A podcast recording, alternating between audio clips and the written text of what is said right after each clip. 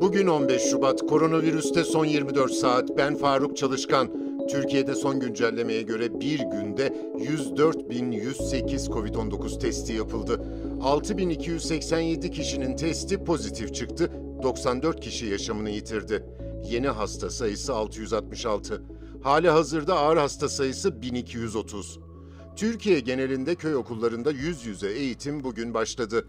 1 Mart'tan itibaren ise tüm resmi ve özel ilkokullarda ve bu ilkokulların bünyesindeki ana sınıflarıyla özel eğitim sınıflarında seyreltilmiş şekilde haftada iki gün yüz yüze eğitim yapılacak. Yine 1 Mart'tan itibaren tüm resmi ve özel ortaokullarla İmam Hatip ortaokullarının 8. sınıflarında da yüz yüze eğitime başlanacak. 8. sınıflarda yüz yüze eğitim yapılacak günlerle eğitime başlama ve bitiş saatleri okul yönetimleri tarafından öğretmenlerle birlikte belirlenecek. Çin'in Dünya Sağlık Örgütü araştırma heyetinden salgının nasıl ve ne zaman yayılmaya başladığının belirlenmesine yardımcı olabilecek ilk vakalara ait ham bilgileri vermediği iddialarına bazı heyet üyelerinden itiraz geldi. Heyet üyelerinden İngiliz zoolog Peter Daszak ve Danimarkalı epidemiolog Thea Fisher, ABD basınında New York Times ve Wall Street Journal gazetelerinde yer alan iddialara kişisel Twitter hesaplarından yanıt verdi. Zoolog Daszak, Twitter'da New York Times gazetesinin Çin, Dünya Sağlık Örgütü ziyaretinde önemli bilgiler vermeyi reddetti başlıklı haberine yanıt olarak paylaştığı tweetinde DSÖ görevinde benim deneyimim böyle olmadı. Hayvan ve Çevre Çalışma Grubu'nun lideri olarak Çinli meslektaşlarımdan güven ve açıklık gördüm. Araştırmamız boyunca kritik yeni bilgilere ulaşabildik.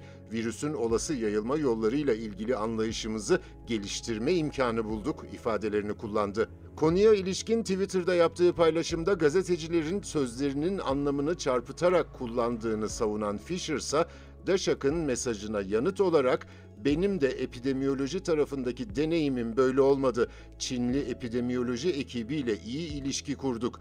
Bu önemli çalışmaya gölge düşürmek için söylediklerimiz bilinçli olarak çarpıtıldı dedi.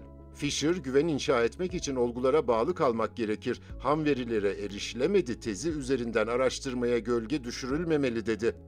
Haberlerde heyetin Avustralyalı üyesi mikrobiyolog Dominic Dwyer ve Danimarkalı Fisher'ın Çinli yetkililerin salgının başındaki ilk vakalarla ilgili kendi hazırladıkları özetleri ve veri analizlerini kendilerine verdiğini ancak ham bilgileri paylaşmayı reddettiğini söylediği aktarılmıştı. Dwyer'ın haberdeki sözleri şöyleydi. Bize birkaç örnek gösterdiler ancak bu hepsini yapmakla aynı şey değil. Bu verilerin yorumlanması bizim bakış açımıza göre daha sınırlı hale geliyor. Dünyada toplam Covid-19 vakası 109 milyon 437 bin. Toplam ölüm 2 milyon 412 bin. Bugünlük bu kadar. Hoşçakalın.